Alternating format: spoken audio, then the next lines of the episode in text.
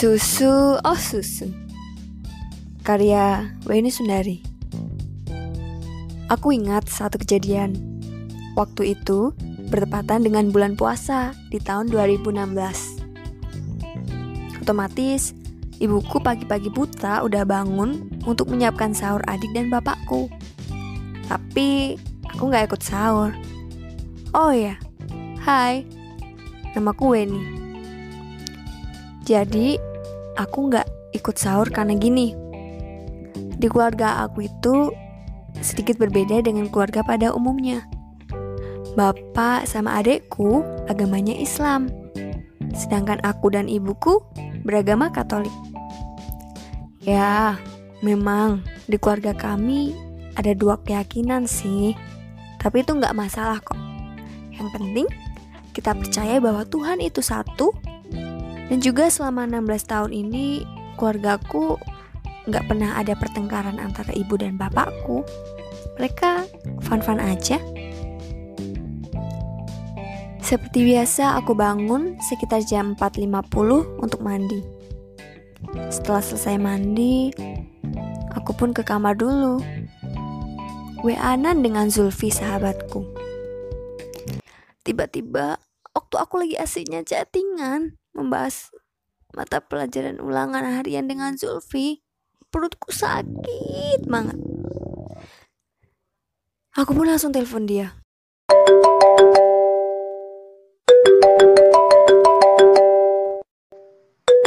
Halo, Hah, apaan? Zul. Aduh, Apaan?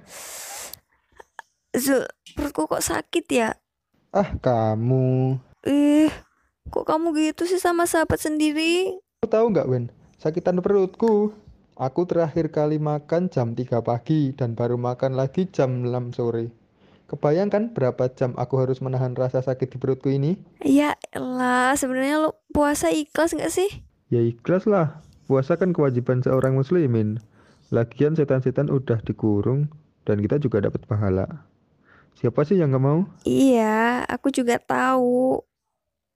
Tapi aku mau tanya deh, kalau perutmu sakit, biasanya apa yang kamu lakuin? Minum susu. Hah?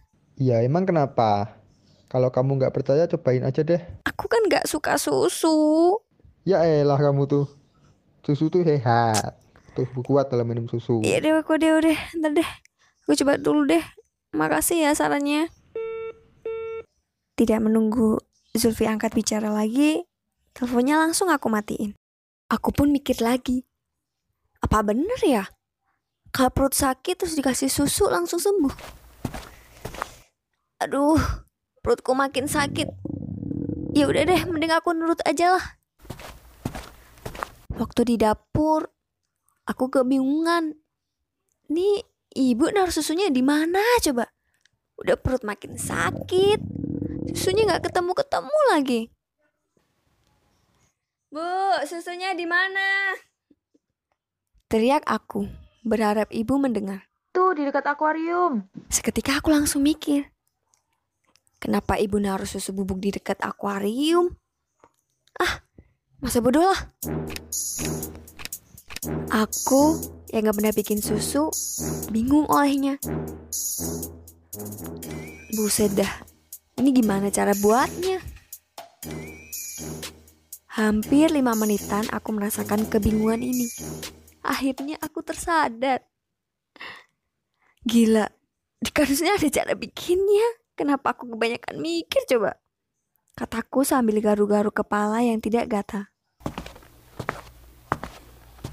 Ibu datang ke dapur dan melihat aku yang sedang membuat susu. Seketika itu juga aku mendapat teguran dari ibuku. Eh Wen, aduh itu meja basah nggak? Kok kamu sembarangan naruh susunya di meja sih? Kalau meja basah terus kardus-kardus susunya rusak gimana? Dengan muka yang masih cengong mendengar perkataan ibu, tanganku udah mindahin kardus susu itu ke atas kulkas yang tidak jauh dari meja yang aku pakai untuk membuat susu ini.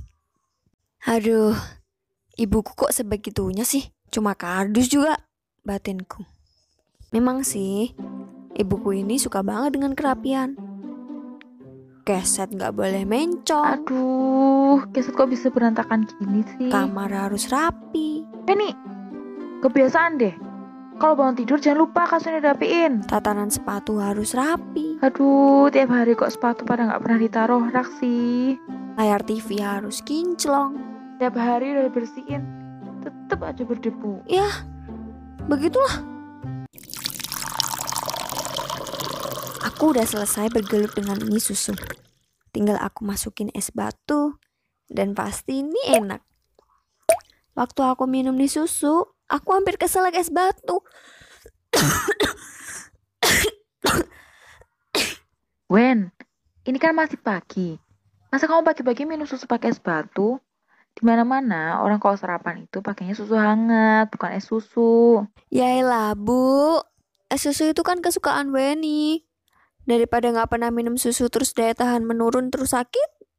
Kalau sakit, nanti harus istirahat, nggak bisa sekolah. Kalau nggak bisa sekolah, nanti jadi ketinggalan pelajaran. Kalau ketinggalan pelajaran, nanti nggak bisa dapat nilai UN. Kalau nggak bisa dapat nilai UN, ya nanti nggak bisa lanjut SMA deh. Kataku. Ya, aku memang orang yang pintar mencari alasan. Ya sudah deh.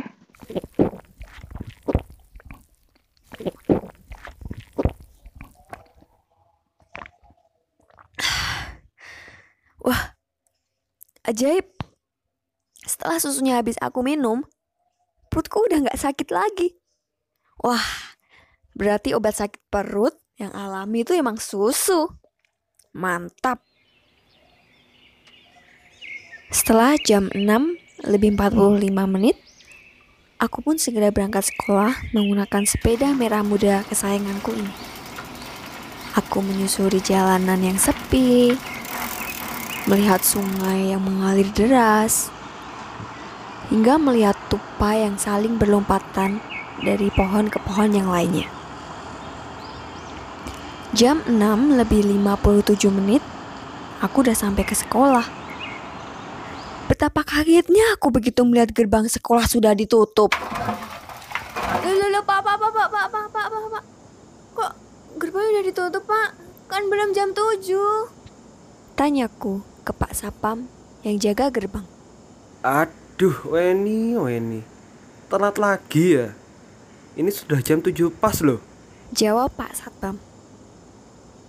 Pak, bukain pintunya dong, Pak. Nanti istirahat saya kasih batagor deh, Pak. Pintaku seperti merayu Pak Satpam. Akan tetapi, Pak Satpam tetap tidak mau membuka. Dan dia berkata, Loh, jangan suap saya dengan batagor. Katakan saja alasan Weni bisa telat. Jadi gini, Pak. Tadi saya sempat sakit perut. Terus saya disuruh orang tua saya untuk istirahat dulu. Tapi saya sebagai murid yang baik gak mau, Pak, izin sakit. Soalnya hari ini ada ulangan harian IPA. Dan ujian ini sangat berarti buat saya, Pak. Saat tadi aku sakit perut, saya langsung mencari obat sakit perut itu, Pak. Tapi nggak ketemu-ketemu. Entah ke mana. Setelah 15 menit saya mencarinya, akhirnya ketemu juga, Pak. Di dekat akuarium. Setelah saya selesai minum, saya langsung mau diantar ibu saya ke sekolah, Pak.